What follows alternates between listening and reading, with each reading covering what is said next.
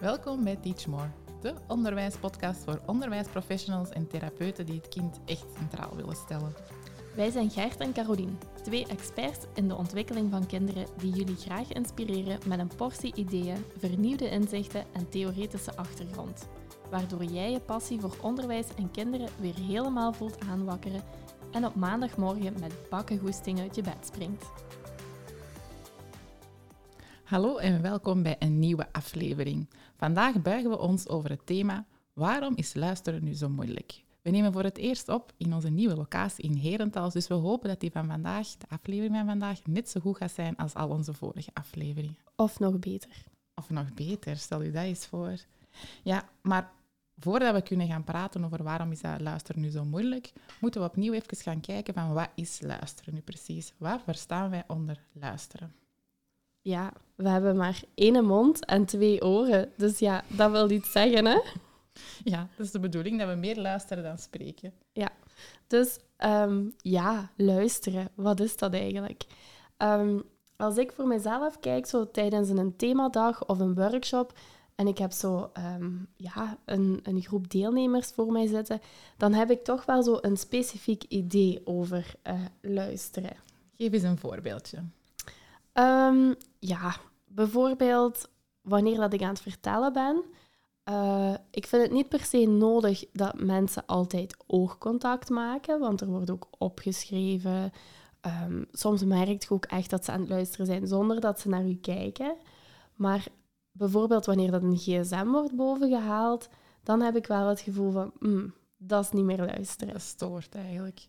Ja, dat leidt mij eigenlijk ook af van het vertellen, omdat ik dan het idee heb van het komt toch niet aan. Mm dus zo een dubbeltaak, wanneer dat de tweede taak ook aandacht vraagt, ja, dat, dat voel ik toch wel echt als niet luisteren. Ja. En dan bedoel ik als mensen zo aan het uh, tekenen zijn of zo droedeltjes aan het maken zijn, gelijk dat ze zou zeggen.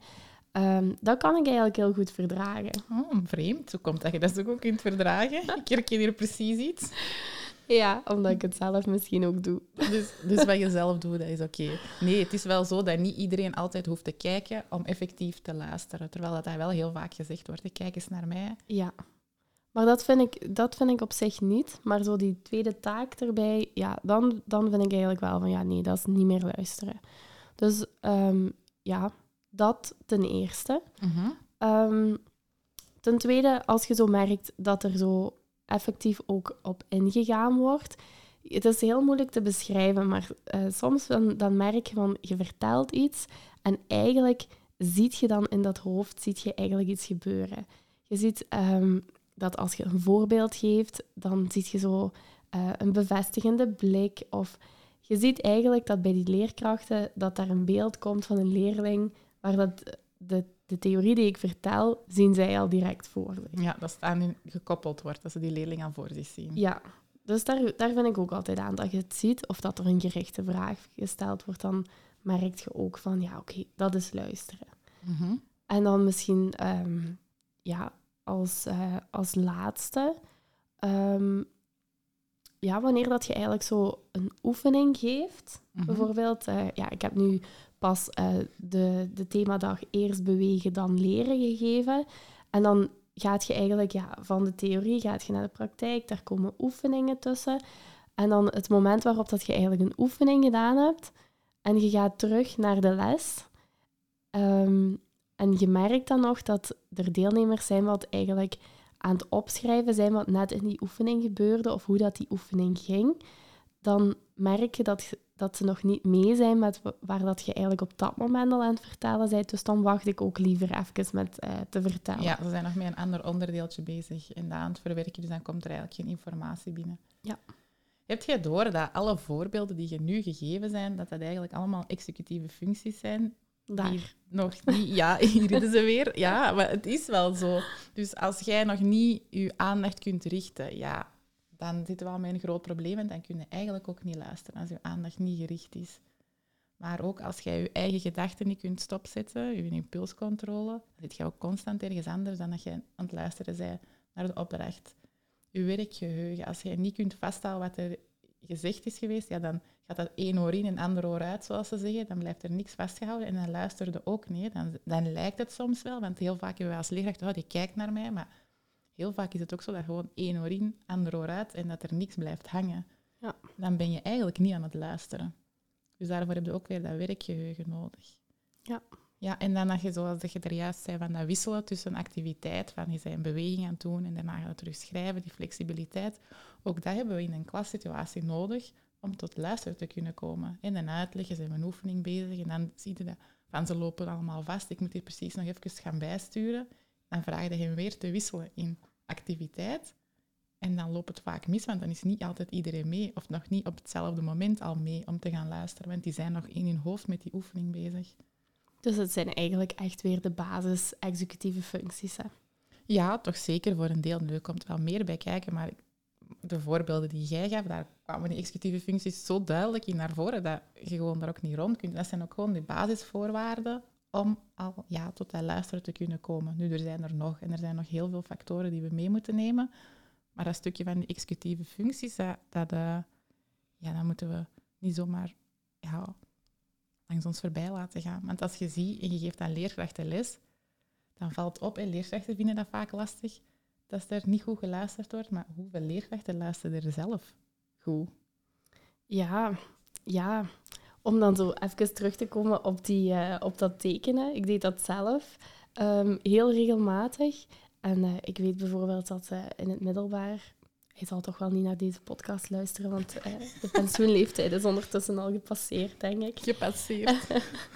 um, maar mijn leerkracht Frans daar in het middelbaar, um, die kon er absoluut niet tegen dat ik zo tekende terwijl dat de les bezig was. Maar ja, als ik daar nu naar terugkijk, dat ging gewoon eigenlijk te traag. En dus uh, ik probeerde mijn aandacht erbij te houden via van die tekeningetjes. En uh, op den duur heeft hij echt eens tegen mij gezegd, ik deed dat altijd op de zijkant van mijn kaft. En toen heb ik echt mijn tekeningen helemaal moeten wegplakken, omdat hij, hij vond dat onbeleefd en ongepast. Dus uh, hij ervaarde dat eigenlijk echt als een, een persoonlijke aanval dat ik daaraan tekenen was. Terwijl ik denk niet dat die man ooit naar mij geluisterd heeft. Nee, nee. Daar zeg je, zeg je twee belangrijke dingen waar ik wel even op wil terugkomen. Het is zo dat bijvoorbeeld uh, dat niet iedereen altijd moet kijken om te luisteren. Maar als je echt een tekening aan het maken bent, dan kun je ook wel verliezen in je tekening. En dan kan het ook zijn dat je niet meer aan het luisteren bent. Zo heb ik ook wel leerlingen gehad die echt helemaal in hun fantasiewereld waren en er dan niet meer waren. Maar gewoon droedelen zonder betekenis is nog iets anders dan een heel fantasie iets tekenen. Ja, dat is waar. Langs de andere kant, als je erbij gaat stilstaan, hey, uh, hoe vaak wij als ouder eigenlijk niet meer echt altijd of voor elk moment de tijd nemen om te luisteren naar onze eigen kinderen. Ja. Eh, we denken vaak van wel, maar ondertussen zitten we nog het afwasmachine in te laden of op onze gsm even de mails te checken of rap een berichtje te sturen in de WhatsApp-groep van de voetbal. Of, uh, ja. Ja, maar het lijken dan ook zomaar superkleine dingen. Hè? Want dan komen ze bijvoorbeeld, uh, op dit moment, mijn kinderen zijn zeven en vijf. En uh, als die dan uh, tot bij mij komen in de keuken, dan gaat dat heel vaak over uh, kijk eens welke mooie steen dat ik gevonden heb. Of um, kijk eens um, wat ik getekend of gekleurd heb. Of hoe hoog ik kan springen, inderdaad. Ja. Of de stok, ja. Dus het lijken zo super kleine dingen, hè. Ja, en als je nu niet tijd maakt om naar die kleine dingen, of voor ons, hè, kleine dingen van kleine mensen te luisteren, dan gaan ze ook niet naar ons komen als ze groot zijn met grote dingen. En dat is eigenlijk heel logisch. Hè? Ja. Dus voor hun zijn die kleine dingen nu ook super groot en super belangrijk. Dus het is ook zo die wisselwerking in die verbinding, ook tijd maken om naar hen te luisteren en niet alleen maar ons eigen mond te gebruiken en ons oren even te stoppen. Ja. Nee, het is, een, het is een wisselwerking. Hè? Dan komen we terug bij het begin. Hè. We hebben maar één mond en twee oren. Dus uh, op dat moment moeten we gewoon ook eens inderdaad luisteren.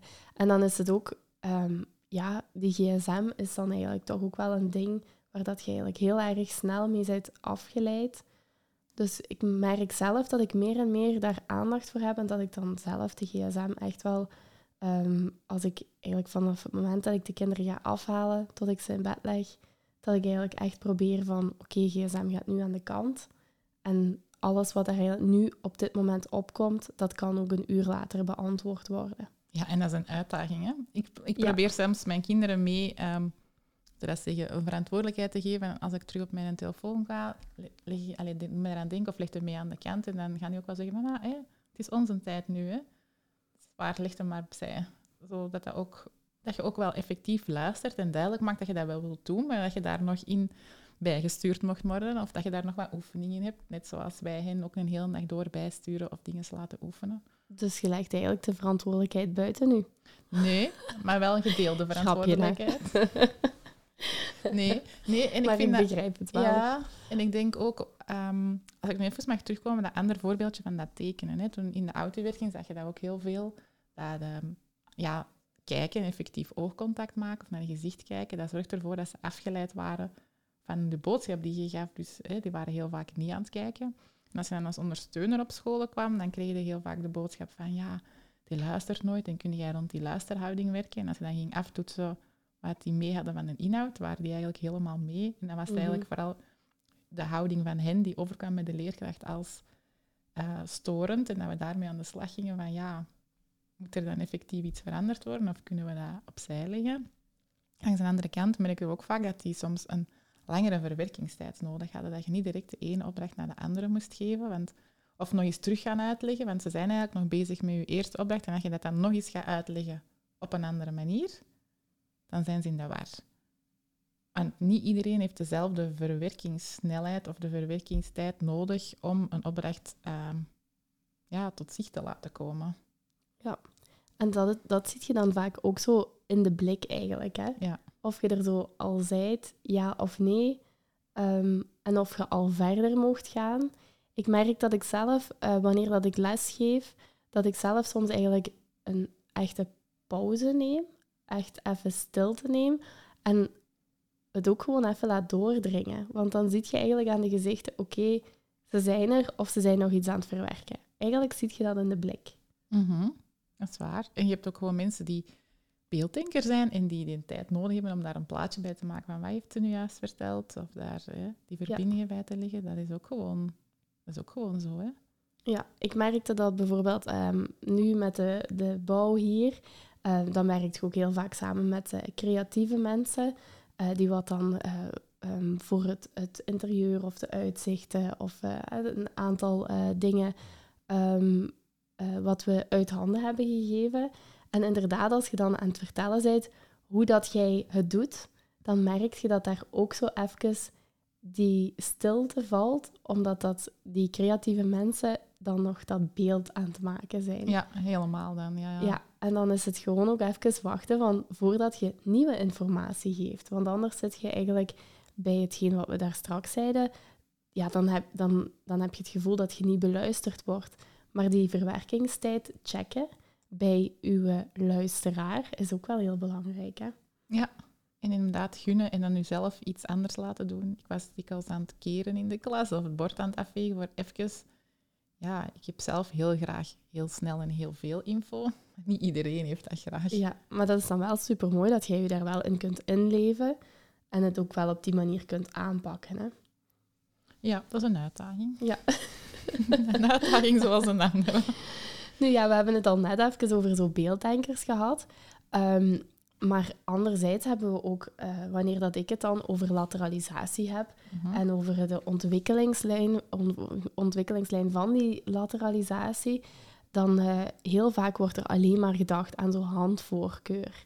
Maar uh, eigenlijk wanneer dat je die lateralisatie goed gaat bekijken en zijn geheel gaat bekijken, dan, dan gaat je ook merken dat je niet alleen een handvoorkeur hebt, maar ook een oogvoorkeur, een voetvoorkeur. Um, en zo heb je ook een oorvoorkeur. En eigenlijk de bedoeling bij een goede lateralisatie is dat alles aan één zijde is, behalve de oor. De oor is eigenlijk altijd, of ja, is het beste dat, die, dat je rechts orig zijt. Rechtsorig? Ja, dus dat eigenlijk de voorkeur van je oor dat die aan de rechterkant is. En je kunt dat checken um, als je zo eens tegen de muur gaat luisteren, van of je zo in de kamer erlangs iets hoort, of dat je zo tegen de deur gaat luisteren alsof je wilt gaan afluisteren, uh, dat je eigenlijk recht naar die deur stapt en dat je dus effectief gaat, gaat luisteren van hoor ik daar iets.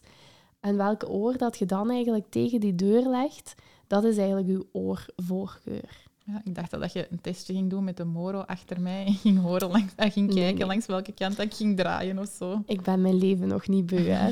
De ene keer was genoeg.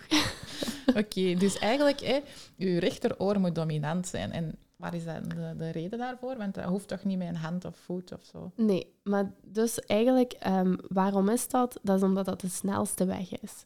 Dus ons uh, taalcentrum van Wernicke en Brocca heet dat dan in onze hersenen. Um, ja, je vindt dat heel fancy namen, hè? Ja, dat is wel graag. um, maar uh, dus dat taalcentrum, dat ligt aan onze linkerkant van ons brein. En het is zo dat ons lichaam uh, gekruist gestuurd wordt. Dus alles wat eigenlijk aan de rechterkant gedaan of waargenomen wordt, dat wordt aan de linkerzijde van onze hersenen verwerkt. Dus op die manier als je dus rechtsorig bent, dan komt die info het snelste in je linker hersenhelft. Want dat wordt gekruist waargenomen. Mhm. En daarvoor is het eigenlijk van belang dat eigenlijk je rechteroor de voorkeur krijgt. Zelfs al zijt je linkshandig, uh, zijt je linksvoetig, alles mag aan de linkerkant zijn, maar je rechteroor is best dominant. En dat is eigenlijk, um, ja, als je daar um, naar gaat kijken, hoe dat zit. Uh, ik vond dat wel heel grappig, want als je dan uh, zo... Sommigen zeggen ook van, ja, maar dat is ook welk, uh, waar dat je gsm bijvoorbeeld vasthoudt. Hè? En wij als rechtshandigen, wij doen dat dan automatisch, zogezegd, met ons rechterhand. Want um, daarvoor zit hij ook aan je rechteroor, omdat je dat met je rechterhand vastneemt.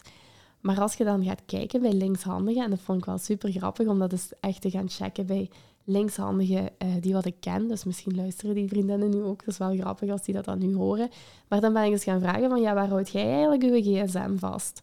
En dan zeiden die, ah, aan de rechterkant, hè. Oh ja, oh, oh, ja, waarom? Ja, dan heb ik mijn linkerhand vrij om te schrijven. Ah, ja. dus je, je maakt er altijd een nuttige link aan voor jezelf wat, wat je dominantie dan eigenlijk ook is, al in je hand. Dan. Ja, nu ja, onze uitleg, je moet daar nooit naar luisteren. Als je iets observeert, uw observatie is altijd waarheid. Hè? Want uh, als we onze uitleg moeten geloven, we kunnen ons er toch altijd uit lullen. Hè? ja, zeker. ja, zeker. Nee, dat is zo. Dus eigenlijk, als ik het goed uh, begrijp, moet de rechteroor dominant zijn, zodanig dat eigenlijk de snelste weg van informatieverwerking zonder ruis naar het taalcentrum komt om daar betekenis aan te geven en ervoor te zorgen dat je iets met die informatie kunt doen, verwerken, vasthouden, wat dan ook uh, de bedoeling is. Ja, absoluut. En als ik dit vertel, dan moet ik ook onmiddellijk denken aan zo die klassituaties. Gelijk ze op dit moment um, gedaan worden. En dat is voor een aantal dingen is dat supergoed. Hè. Je hoort mij hier uh, niemand of niet bekritiseren. Um, maar het is wel zo, vroeger werd er altijd frontaal les gegeven en de bankjes stonden op een rij. En de kinderen ontvingen eigenlijk altijd frontaal de informatie die zij uh, op dat moment kregen. Nu, wanneer dat je zo in groepjes gaat zetten, dan gebeurt het dus dat er kinderen eigenlijk de hele dag informatie, ja, als er dan frontaal les gegeven wordt, zal ik maar zeggen. Um, en zij zitten bijvoorbeeld met hun linkeroor naar het bord, dus eigenlijk schuin. Um, dan wil dat dus wel zeggen dat die informatie eerst opgevangen wordt door hun niet-voorkeursoor. En dat heeft ook de lange weg dan naar het, uh, het, taalcentrum. En dat gebeurt allemaal in fracties van seconden. Hè. Maar ik vind het wel heel goed voor even te noemen, omdat we, we, willen, we willen het allemaal leuk en, en niet te saai maken in de klas. En daarvoor zijn dan die andere opstellingen van die banken. Maar het is ook goed om er even bij stil te staan van wat doe ik eigenlijk als ik zo'n opstelling maak en heeft dat nut met de les die ik geef? Want voor bepaalde lessen op bepaalde dagen is het misschien goed voor in groepen te zetten, maar als je eigenlijk frontaal een klassikale instructie geeft, dan is het ook goed voor de kinderen effectief hun stoel desnoods onder de bank uit te laten halen en zich echt frontaal naar de klas te richten. Want dat maakt wel een verschil. Ja, dus dat kan ook effectief, dat kinderen, ook als ze dicht bij u zitten, ik kan je niet goed horen. Ik hoor je zo slecht op dit plekje. Ja, dat kan heel zeker waar zijn. Ja. Dus, uh, en ja, plus daarbij, um, als we het hebben over de decibels in een klas, eigenlijk wanneer dat wij gewoon spreken, een, een leerkracht wat eigenlijk vooraan in de klas staat, die spreekt ongeveer met een 70 decibel, is die stem dat, uh, dat die daar verspreid wordt. Maar naarmate dat je meer naar achter zit, um, wordt dat ook afgezwakt. Dus eigenlijk, um, wanneer dat je bijvoorbeeld die 70 neemt als, uh, als basis, uh, wanneer dat je twee meter verder bent, dan zit je eigenlijk nog maar aan 64 decibel. En wanneer dat je 8 meter verder bent, zit je aan 52 decibel. En na 12 meter kom je al maar aan 49 decibel. Dat is echt heel weinig als je weet dat bijvoorbeeld een normale klasomgeving het omgevingsgeluid al 60 decibel is. Oh, dat was iets dat ik uh, mij niet bewust van was. Dat is wel uh, zot eigenlijk. Ja, dus als je dan ook nog eens achteraan zit en je niet-voorkeursoor aan de voorkant hebt zitten op dat moment, ja, dat doet wel iets met je luistervaardigheden natuurlijk. Hè? Ja, en als je dan ook niet zo goed kunt filteren, want dat is dan weer zo mijn invalshoek dat ik heel vaak zie in de praktijk, kinderen die soms moeilijk hebben om te filteren, die alles even sterk binnenkomt. Ja, en maar eens. Hè? Jij bedoelt nu eigenlijk omdat je in je praktijk kinderen hebt waarvan de filter niet goed werkt. Ja. Omdat je, ja, uh, voor degenen die bij deze aflevering pas uh, instromen, um, Gert werkt voornamelijk met kinderen met autisme. Um, dus ja, dat is een moeite met een filter. Maar als ik dan even de veralgemening mag maken, um, wanneer dat we kijken uit de wetenschap die, die wordt gedeeld vanuit de Benodira-training, dat is een gehoortraining, daar wordt eigenlijk beschreven dat voor zes jaar um, gaan peuters, die zijn eigenlijk te grof in een selectie, in een auditieve selectie. Dus dat wil zeggen, als die aan het spelen zijn en jij zegt daar iets tegen, dan horen die u niet. Echt niet. En ze doen niet alsof. Ze doen niet alsof. Ja. dus als die tv aan het kijken zijn, dan zitten die in die tv en die zijn aan het luisteren naar die tv en die horen uw stem niet. Want die hebben een hele, hele grove selectie dat ze maken. Maar dan, en ik heb het hier echt over een normale ontwikkeling, hè, dat is voor ieder kind is dat zo. En dan komen we plus zes jaar. En tussen 6 en 12 jaar zijn die kinderen eigenlijk over, um, ja, te fijn. Dus die zijn overgevoelig. Dus die laten alle prikkels, uh, op, op auditief niveau dan, laten die op, hetzelfde, uh, op dezelfde geluidsterkte binnen. Dus als jij in je klaslokaal de weg, uh, het geruis van de weg zijn bijvoorbeeld hele lage tonen, hele lage frequenties. En ons stemgeluid zit eigenlijk op een hogere frequentie. En die hogere frequentie, eigenlijk in, in een ontwikkeld gehoor, komen die veel beter binnen. En voor de lage tonen, die komen niet zo goed binnen. Maar voor kinderen tussen 6 en 12 jaar komen alle tonen even sterk binnen.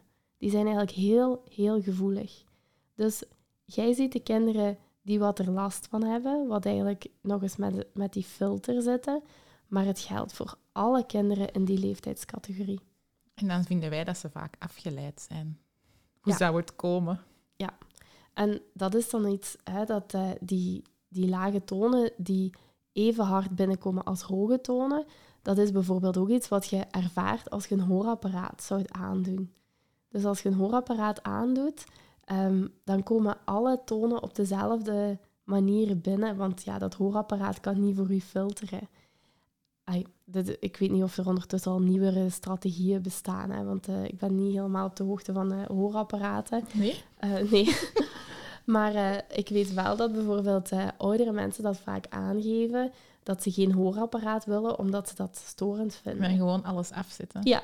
Eigenlijk ook gewoon een strategie wat kinderen soms doen. Hè. Hup, even alles afzetten in mijn eigen wereld gaan. Het is gewoon te veel. Ja, ja eff effectief afschakelen. Dat is gewoon beschermingsmechanisme eigenlijk. Ja, dus um, daar zitten we echt wel... En ik ben er eigenlijk ook van overtuigd. En dat is ook, als je die training van Benodira, als je die volgt, dan wordt dat ook effectief gezegd. Als daar meer um, wetenschap rond was in de scholen, als de, de, de, leerkrachten en de, de mensen die de schoolgebouwen zelfs bouwen... De ministers. Ja, als die daar meer info over hadden, dat het op deze manier was, dan zou daar ook veel meer um, aandacht aan gegeven ja, worden. logisch. Als je ziet wat een impact echt gigantisch eigenlijk. Ja. ja. En je zei daar juist ook van, ja, je moet eigenlijk rechteroor dominant zijn. Maar wat als dat nu niet is? Ja, je kunt er wel naar trainen. Dus je kunt trainen naar eigenlijk je uh, dominantie. Dus in die gehoortraining bijvoorbeeld van Benodira is, wordt dat ook echt mee opgenomen. Dus daar gaat je ook uh, zien welk oor dat dominant is en je zou daarnaar kunnen trainen. Oké. Dus met eventueel van die uh, geluidsopnames, met oefeningen te doen, um, dan, dan krijg je dat oor wel dominant. Maar als juf is dat niet echt de bedoeling dat we dat gaan doen, maar wel al dat we gaan nadenken over hoe is onze klas ingericht, waar zetten wij ons voor een instructie, uh, checken bij leerlingen, hebben ze alles wel, eh, hebben ze de verwerkingstijd nodig, niet altijd de ene instructie naar de andere of nog eens op een andere manier uitleggen, gewoon ook de tijd geven om alles te laten aankomen. Ja, ik denk vooral uh, dat het belangrijk is als leerkracht dat je daar wel aandacht voor krijgt. Bijvoorbeeld als jij zelf je klas uitkomt en je hebt zo het gevoel van, amai, mijn oren, ben ik blij dat die even buiten zijn, dan is er eigenlijk iets mis met de akoestiek in je klas. Ik heb zelf um, nu onlangs op de hogeschool les gegeven. Dat zijn super mooie gebouwen, van die oude hoge plafonds ook. En uh, eh, super mooi, maar de akoestiek is daar echt enorm slecht. Dus als je daar een hele dag hebt lesgegeven, ja, en je komt daar buiten en je hoort dan zo, dan hoort je wat het is om terug stilte te hebben, zo die ruis in je oren ja, ik ben naar huis gereden zonder muziek in de auto. Ik kon het gewoon niet meer verdragen, totaal overprikkeld. Ehm, dan is er iets mis met de akoestiek. En dat kun je bijvoorbeeld gaan oplossen door meer stof te gebruiken, uh, gordijnen te hangen. Want we willen tegenwoordig ook alles heel strak. Maar stoffen stoelen, stoffen gordijnen, ehm, dat maakt wel kussens, een tapijt. Dat, dat is allemaal eigenlijk geluidsopname. Planten? Ja, planten. Planten is ook heel erg... Uh, ja, akoestiek is dat supergoed. Ik vind het zelf een hele uitdaging om ze levendig te houden. Mm -hmm. maar dode planten werken niet zo voor de akoestiek. Die doen dat niet meer. Ja, dus zijn wel goede tips om al in je klas aan te pakken eigenlijk. Ja. Nu, jij zegt, ja, we hebben het dan over de klas, maar je dan denkt aan de rifter, speelplaats. Of onder een afdak gaan staan als het regent. Oh, oh ja. god, dat is, dat is toch helemaal de hel voor je oren? Ja, spelende kinderen onder een afdak. ja. En dan zo de regen die erop klittert. Absoluut. Ja, dan, dan zit je met hele hoge decibels. Hè. Superhoog. Dus ja, dan... Uh, als, ja, en is dan, kun je ook afvragen, is een pauze dan ook effectief een pauze? Dat, dat durf ik eigenlijk ook niet te zeggen. Of je dan effectief rust vindt, omdat je zoveel Ehm, geluid eigenlijk uh, geluid hebt. Dus ja, die, um, die akoestiek die zorgt ook, als uw akoestiek eigenlijk heel slecht is, als je heel veel energie moet steken in uh, luisteren door die omgevingsgeluiden, dat zorgt ook dat je heel vermoeid bent. Ja, dat wou ik juist zeggen. Dat moet ook een gigantische impact hebben op heel veel andere factoren. Dus inderdaad, als je constant moe bent, eigenlijk de hele tijd overprikkeld bent, dan heb je ook geen energie meer om tot leren te komen. Dus we mogen echt wel aan onze oren wat meer aandacht gaan geven. Maar zelfs niet alleen voor de leerlingen alleen, hè. ook de leerkrachten. Als je in een klas staat, zo, dat is super vermoeiend. Een voorbeeldje daarvan ook, um, als ik uh, de ontwikkelingslijn van schrijfdans geef, daar zit een liedje bij van de cirkels en de achten. Herinnert je het nog? Mm Ah wel, ehm, in dat liedje, we hebben dat op die manier laten componeren, dat er eigenlijk telkens wanneer dat we beginnen te cirkelen, dan zit daar zo een glinstering in die muziek. Precies al hoort je de sterretjes vallen. Kunt je die een beetje inbeelden? Ja, ja. Ik heb nu natuurlijk niet het voorbeeld wat ik kan laten horen, maar je hoort er eigenlijk de hoge tonen, glinsteringetjes die uit de lucht vallen. Ah, wel, ik test ehm, altijd bij de, het, als ik een team geef, of ook ja, eigenlijk als ik het altijd geef, maar in een team valt het altijd op, uh, dan test ik altijd van, horen jullie dat geluid? Dus ik, laat, ik zet het dan op, ik laat ze de ogen dicht doen en dan moeten ze eigenlijk met hun handen aangeven, met hun vingers wiebelen, als ze die glinstering horen. Dan zie ik of iedereen dat gehoord heeft. Maar het valt heel erg op, dus die glinstering zit in de hoge tonen. En die hoge frequenties die verliezen we eigenlijk als eerste bij gehoorproblemen. En kleuterjuffen die al jaren in de kleuterklas staan, die al jaren dag in dag uit die decibels te verwerken krijgen in een kleuterklas, die horen die toon van die glinstering niet meer. Dus dat is ook heel uh, frappant en zorgwekkend eigenlijk. Want dat wil zeggen dat we toch wel echt ons gehoor, want als je die hoge tonen verliest, dat kost echt energie om te gaan luisteren dan. Ja, en gewoon die vermoeidheid die dat eigenlijk een hele dag doorgeeft, ook aan die kleuterjuffen. Ja, absoluut. Dus dat gehoor, ja, dat, dat is wel een ding eigenlijk. Waar we ons niet van bewust zijn. We dachten, we gaan een aflevering maken. Nee, nee. Of jullie dachten misschien, we gaan een aflevering krijgen van, en nu de antwoorden krijgen van waarom luister niet? Ja, je hebt ze wel gekregen, maar misschien niet op het niveau of het level dat je had verwacht. Nu, ik denk dat we er niet echt helemaal onderuit kunnen. De maatschappij is ook wel een stuk vluchtiger geworden. Dus we merken ook dat daarin toch wel verschuivingen zijn. Hè? Dat, um, ja, doordat bijvoorbeeld veel meer filmpjes zijn, dat alles veel vluchtiger is, dat we daardoor ook um, dingen missen of niet meer de tijd nemen om goed te luisteren, omdat we denken dat we het wel zullen zien in het voorbeeldje of, of dat we er wel toe komen, dat we daarom ook minder goed luisteren. Het gaat ook allemaal heel snel. Hè? We, zijn, we zijn gewend dat alles heel snel moet gaan. En dat is ook eigenlijk een, een manier um, dat het vluchtiger wordt. Hè? Kost natuurlijk ook wel tijd. Ik vind dat zelf ook wel echt vervelend. Eh, als je, als je dan teruggaat over dat je zelf les kreeg. In de studententijd, als de leerkrachten heel traag spraken, dan was, waren ze mij ook wel kwijt. Dan zou ik ook wel graag zo dat knopje hebben gehad om zo volume maal 2, uh, eh, volume snelheid maal 2, zoals je op YouTube kunt doen, zo voor wat sneller te luisteren. Kijkt jij nu echt filmpjes op maal 2? Ja, ja jij niet dan. Is dat niet iets algemeen? Uh, nee. Ja, ik dacht, uh, gewoon als het wat traag gaat, dan uh, schakelde over naar maal 2. En dan praten die mensen ook effectief maal 2. Ja. Ja, maar je kunt ze nog perfect volgen. Je kunt dat zelf bij WhatsApp, hè. Als je zo'n uh, audioboodschap inspreekt, kun je dat ook zo twee keer snel laten doen, hè. Dat is echt wel heel grappig, want nu ga ik iets delen wat Gert zelf nog niet wist. Um, maar we hebben onlangs een beurs gedaan en uh, we stonden daar... Um, Gert stond er, Maartje stond er en ikzelf. En uh, Gert ging een passant aanspreken. En Maartje en ik keken toe. ik ben even niet dat er gaan komen nu.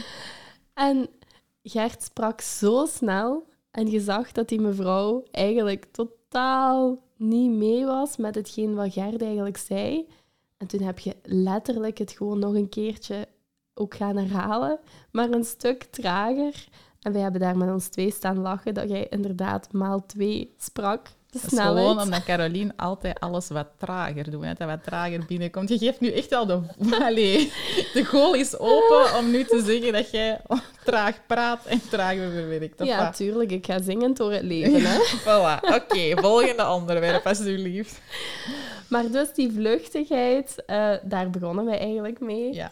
Uh, die vluchtigheid, ja, die zit in onze maatschappij. En inderdaad, als je daarbij meegaat... Um, ja, maar het is wel zo dat, dat je alles heel snel doet. Ja, kom op. Ja. Dus, uh, maar ook, ja, uh, ja, we hebben daar ons smartboards ook hangen. Hè. Dat is ook zoiets, um, ja, wanneer dat je dat gaat gebruiken in de les. Um, het hoeft ook allemaal niet meer zo talig. Hè. Je kunt ook heel veel uh, laten zien, heel veel ja, beeldend ondersteunen eigenlijk. Hè? Ja, ze hebben ook wel vaak nog die voorkeur voor dat beeld. Het is ook logisch dat ze daar dan misschien meer aandacht aan gaan geven om van daaruit te zien wat ze moeten doen in plaats van nog altijd dat talige. Wij geven nog heel veel talig les, maar dat hoeft per se... Allee, hoeft ook niet altijd. Hoeven we altijd zoveel uitleg te geven voor ze kunnen starten. Ja, en dan hoor ik je zeggen, zoveel uitleg. Maar je hebt toch ook mensen die wat eigenlijk op tien zinnen zeggen wat je in drie woorden kunt zeggen. Dat is ook waar. Ja, verschrikkelijk. Dat is dan zo de andere kant. Hè? Dat is zo het helemaal niet vluchtige. Nu, ik merk zelf ook dat, dat ik dan afhaak. En dat heeft eigenlijk alles met hersencapaciteit te maken. Hè? Zo, ik heb, onlangs heb ik bijvoorbeeld het boek Focus aan, Focus uit gelezen. Dat is al een prestatie op zich. Ja, Ehm, want er stonden geen... Het, was alleen, het waren alleen woorden. Zonder printjes. Dat was, dat was jouw opmerking. Hè? Ik heb een heel boek gelezen met woorden. Ik zo, ja, wat staat er anders in je boeken? Ja, dan bedoel ik zo schema's en zo, maar uh, ja, prenten kan ook, prima. maar ik ben zelf natuurlijk niet zo heel talig ingesteld. Als ik moet kiezen tussen beeld of taal, uh, dan, dan kies ik wel heel duidelijk het beeld. Um, maar het boek Focus aan, Focus uit van Mark Tichelaar, um, die, uh, die heb ik dus in één keer uitgelezen. Gewoon ook omdat het allemaal zo herkenbaar was. Eigenlijk de manier waarop wij informatie verwerken.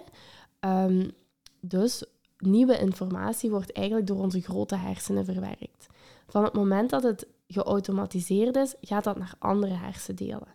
Maar dan zijn eigenlijk uw grote hersenen, alle capaciteit die daar zit, is dan vrij om los te gaan in um, creatieve bedenkingen, in, um, ja, in niet per se creatieve bedenkingen, maar bedenkingen over het algemeen. Maar je hebt dan eigenlijk je hele capaciteit vrij om dus niet bezig te zijn met de informatie die je al kent. Dus met andere woorden, als jij eigenlijk uh, een taak doet die wat te gemakkelijk is, dan gaat je jezelf afleiden. En dan is het de kunst om aandachtig te blijven door die taak zelf moeilijker te gaan maken. Dus voor er bijvoorbeeld een eindtijd of een werktijd op te zetten. Bijvoorbeeld een taak die je zeker weet uh, dat je die binnen of ja, in een uur kunt afmaken, maar je laat je afleiden door van alle andere dingen. En daardoor gaat je eigenlijk er veel langer over doen. Die taak kun je dan voor jezelf um, uit te dagen. Kun je bijvoorbeeld zeggen, ah, nu maar heb ik daar maar 50 minuten de tijd voor en dan ga ik dat doen of moet ik daar zijn. Daarom dat ik al zo snel doen. Ja, ja, je zit duidelijk heel efficiënt daarin. Ik heb dat dus net ontdekt in dat boek, dat dat zo moet. Ik wil dit boek ook wel eens uh, lezen, dus neem die volgende keer maar mee. Ja, dus, uh, dat is echt wel eigenlijk een tip.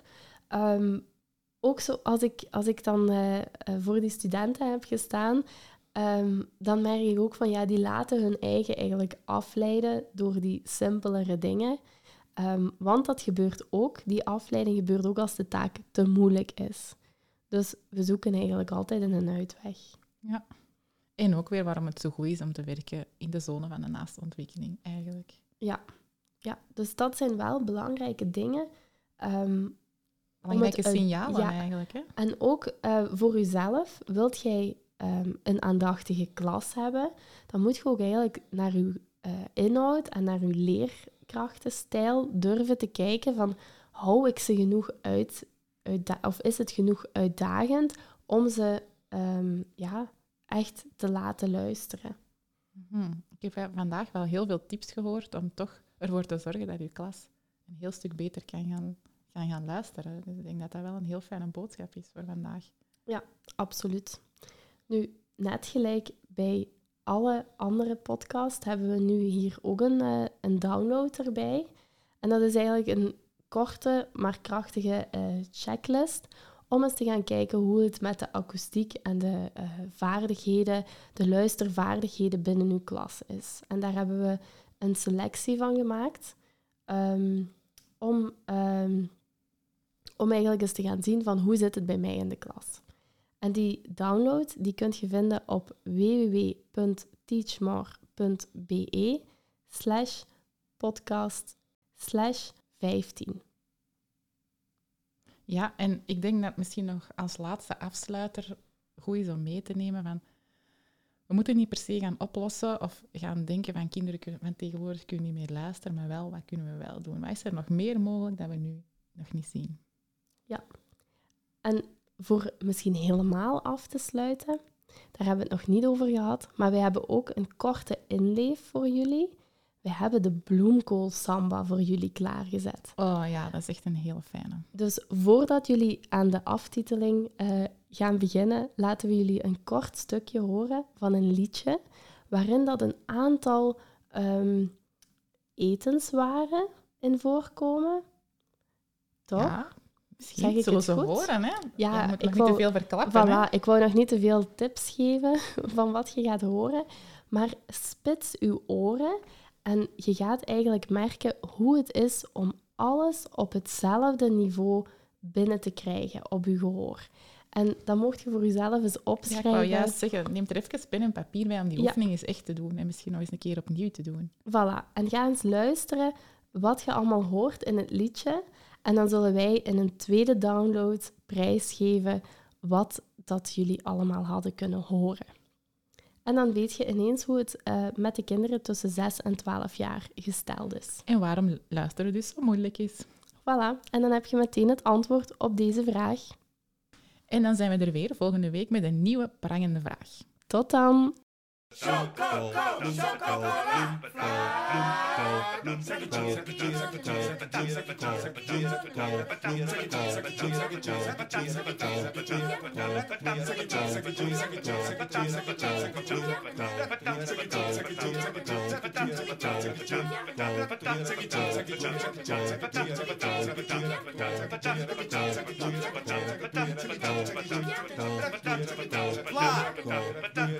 fly. Chocola!